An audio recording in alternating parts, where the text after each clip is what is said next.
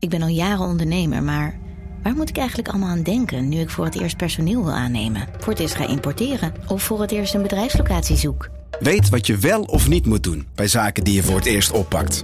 Check kvk.nl voor praktische stappenplannen. KVK, hou vast voor ondernemers. Al 125 jaar kwaliteit voor jou thuis met Miele. Dat vieren we met jou. Ontvang nu tijdelijk een cashback tot 125 euro op veel Miele-apparatuur. Geniet van de kwaliteit van Miele. Voor perfect verzorgd wasgoed en kleding die veel langer mooi blijft. Voor een stralend schone vaat, even perfect als jouw diners. En een stofvrij thuis waarin echt hygiënisch schoon de standaard is.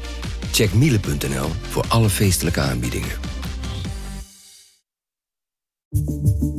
Vanaf de redactie van NRC het verhaal van vandaag. Mijn naam is Thomas Ruip.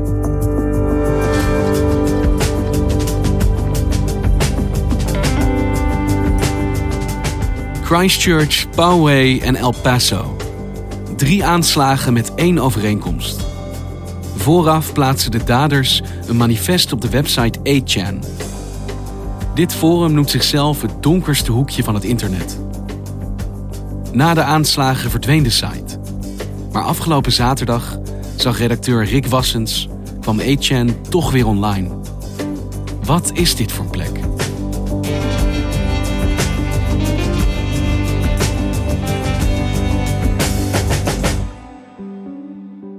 Op 3 augustus loopt de 21-jarige Patrick Crucius een Walmart binnen in El Paso. Dat is een stad aan de Mexicaanse grens.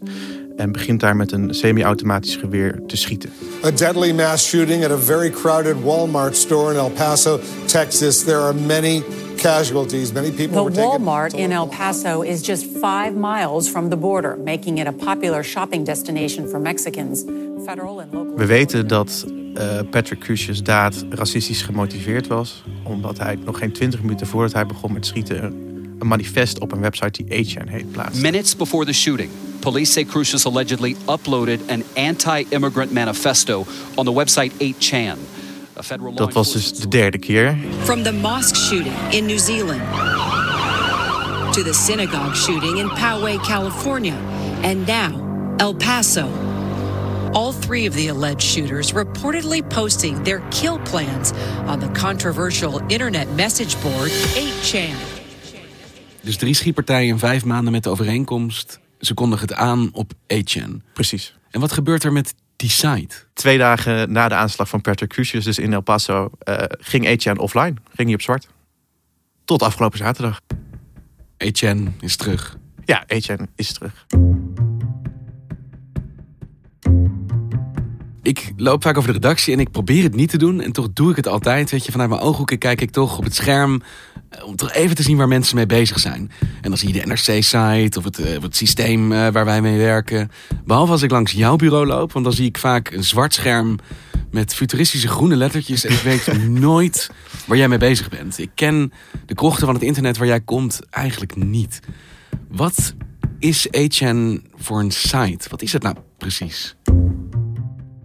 Eigenlijk is 8chan is dus een imageboard. En het verschil met een normaal forum, daarom heet het, heet het ook een imageboard, is dat bij elke post moet een plaatje zitten. 8chan is een soort van opvolger geweest van eh 4chan. En 4chan is, was voor 8chan het meest beruchte imageboard eh aller tijden, zeg maar. En wat maakt eh, 4chan zo berucht? Het is belangrijk om te begrijpen dat, dat zeg maar 4chan, 8chan, al die imageboards allemaal anoniem. Dus je hebt een hele mate van vrijheid. Je kan alles bespreken wat je wilt. Het gaat daar over videogames. Het gaat over, heel veel over anime, dus Japanse uh, tekenfilms en eh, comics en zo. Eh, het gaat heel veel over gaming. Heel veel porno, echt heel veel porno. Eh, fora waar mensen over Franse democratie praten. je hebt fora waar mensen over furry porno praten. Je hebt fora waar... Zeg Furby porno? Furry, furry. Dus, dus je verkleed je als een, eh, als een beest en je gaat dan seks hebben met elkaar. Ja. Helder. Dus het was echt een plek waar je gewoon anoniem kon, eh, kon praten over je hobby's. Maar het klinkt eigenlijk best als een prettige plek. Een plek waar iedereen eh, over hoe specifiek die hobby's ook zijn... eh, kan praten met gelijkgestemden. En ook nog eens nou ja, onder de bescherming van anonimiteit. Ja. Maar er zit wel altijd een randje aan. En wat is dat randje? Hoe openbaart dat randje zich bij 4chan? Je had bijvoorbeeld wat een grote impact gehad heeft op eh 4chan was Gamergate. Gamergate was een eh, online beweging eh, dat eigenlijk niks anders deed dan vrouwen in gaming lastigvallen. Vrouwelijke journalisten, eh, gamingjournalisten. Het is ook doxing bijvoorbeeld. Want wat is doxing precies? Doxing is publiceren van docs. Dus identiteitsbewijzen, iemands identiteit onthullen. En dat maakt je gevoelig voor allemaal andere dingen die, je lastig kunnen, eh, die, die lastig voor je kunnen zijn. Bijvoorbeeld swatting, wat een hele tijd heel courant was daar. Wat is dat? Swatting is dan dat eh, je de politie belt en je zegt: hé, hey, er is een gijzeling gaande. Dus je openbaart iemands adres, je belt de politie en zegt van hier is iets aan de hand. en de politie gaat daar met getrokken wapens. Die trekt die woning binnen.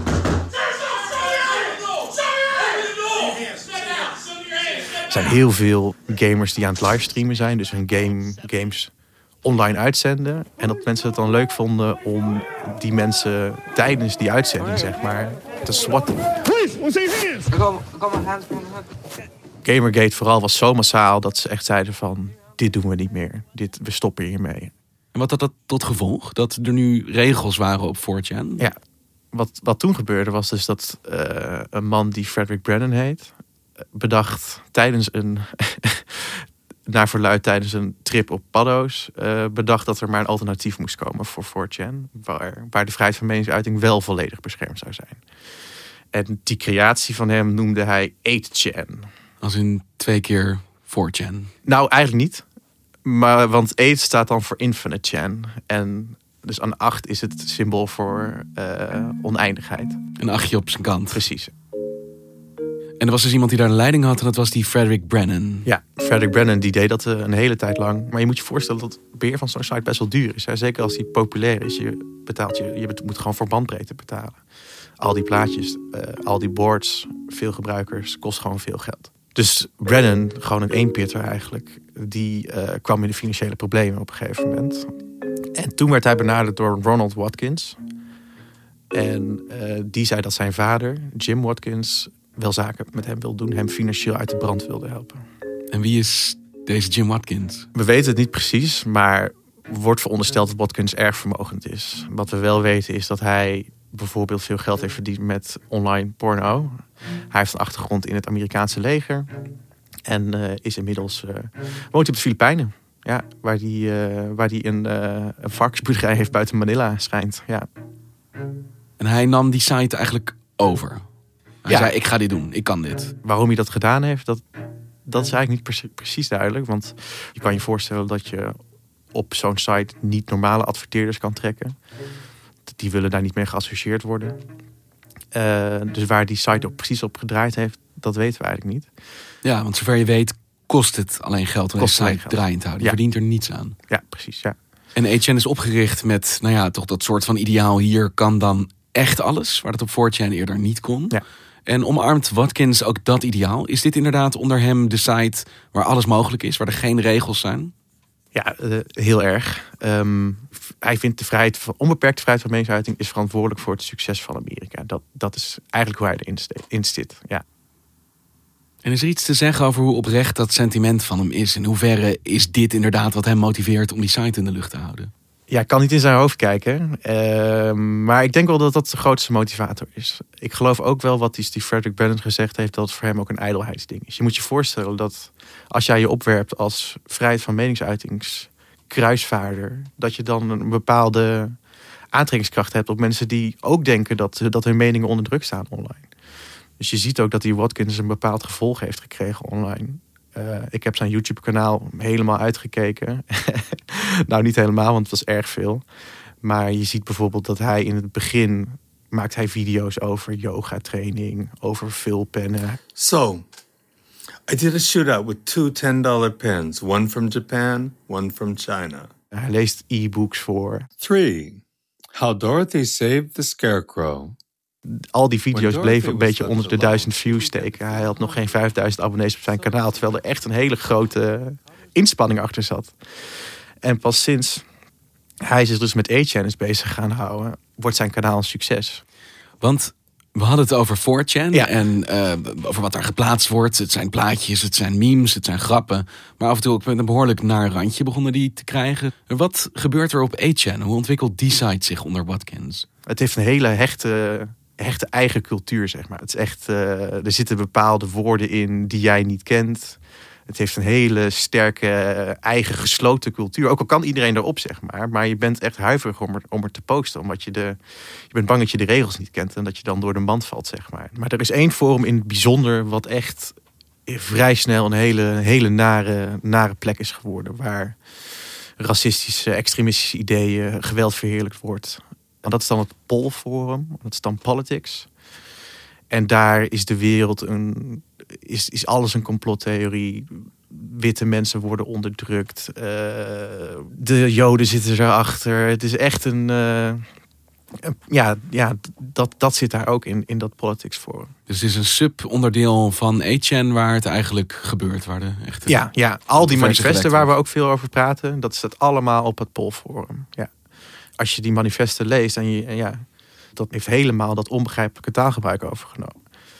Die cultuur zit in die manifesten, zeg maar.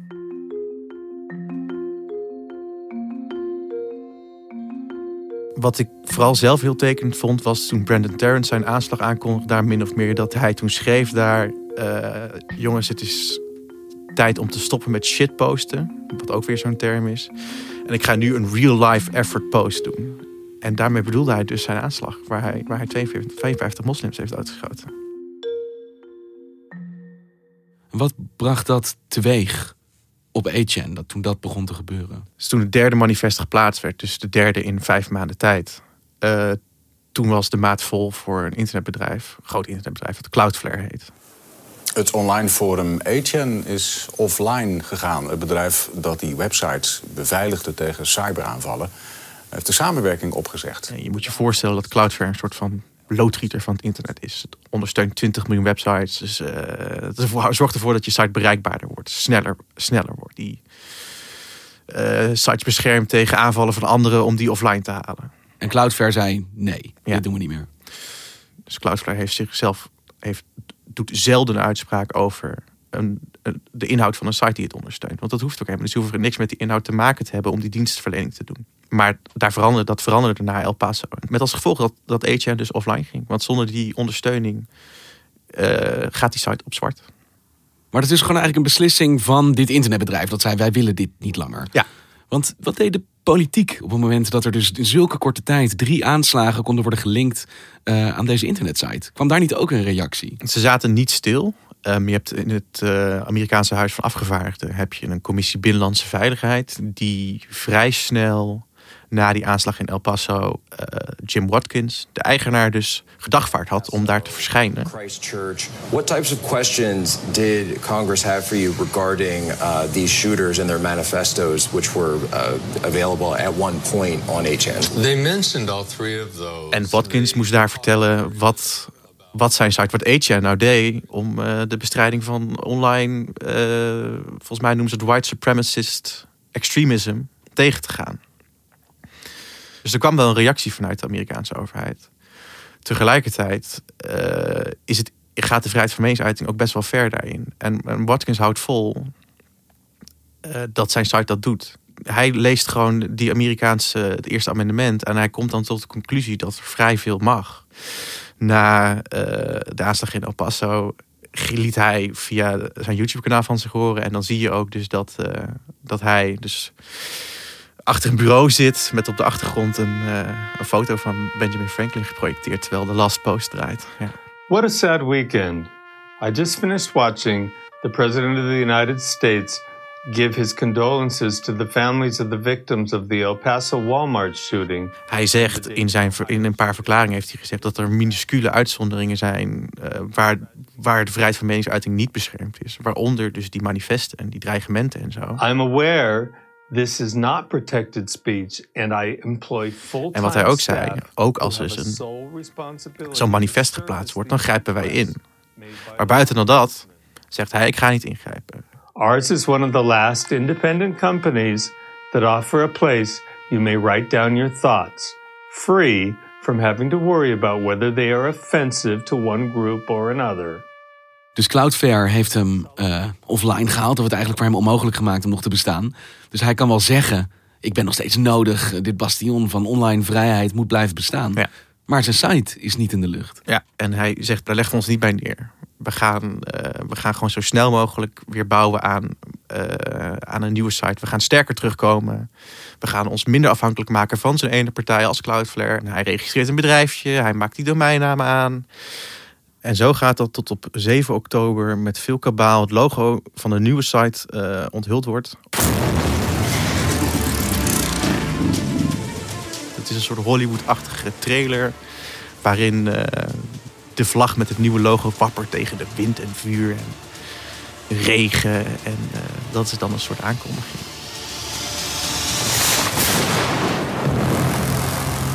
die site gaat, weten we nu, Eetkoen heten. En dan zou het vrij snel online moeten komen. Maar dat duurde dus nog even. Dat duurde tot afgelopen zaterdag dus. Ja, dus ik denk dat jij niet snel genoeg bij een computer kon komen om te zien hoe die site er nu bij staat. Op een paar kleine dingen na is het eigenlijk precies hetzelfde als dat het was. Dus het ziet er nog steeds hetzelfde uit. Het is nog steeds paars, hoofdzakelijk. Uh, de dingen die veranderd zijn, zijn vrij subtiel. Uh, er stond bijvoorbeeld een motto boven de site op 8chan. En dat luidde uh, Embrace Infamy. Wat zoiets betekent als omarm eerloosheid. Uh, dat is nu gewijzigd in Speak Freely Legally. Uh, dus spreek vrij uit, maar hou je aan de wet. En staat onder elke reactie die mensen achterlaten, die dus anderen achterlaten, staat in kleine lettertjes: deze boodschap is niet per se de mening van de beheerders van 8chan.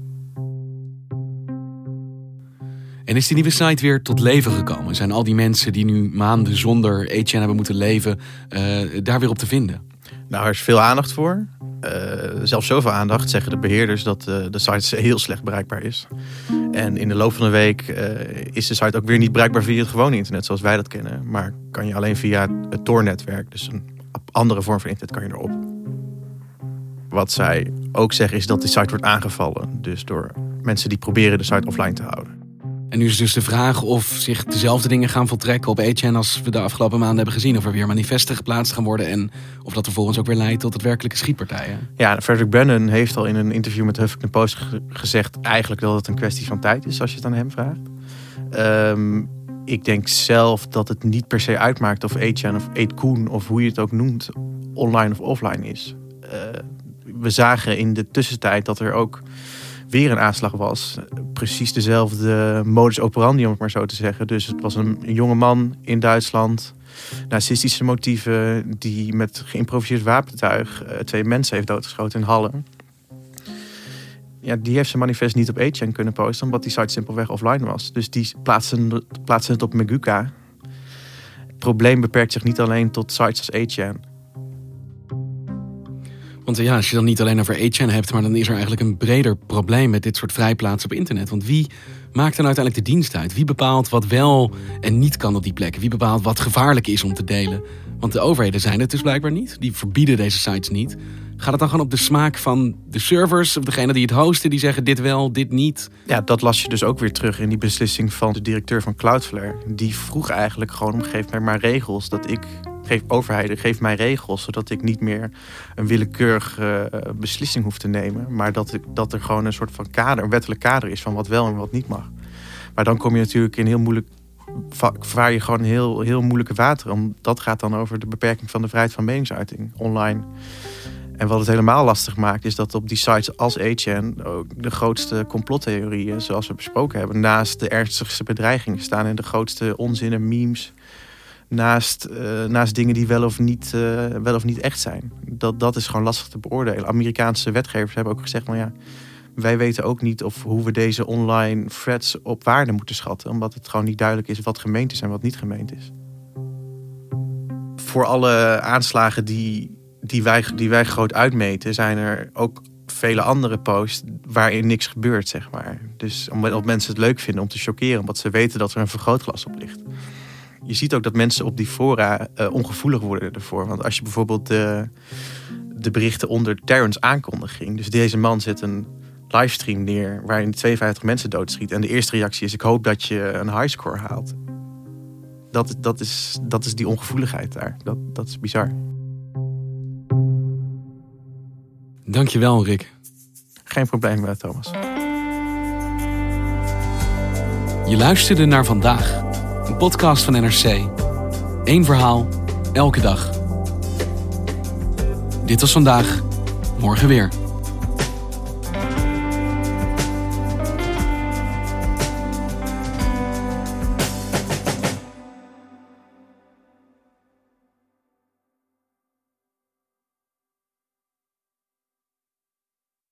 Technologie lijkt tegenwoordig het antwoord op iedere uitdaging.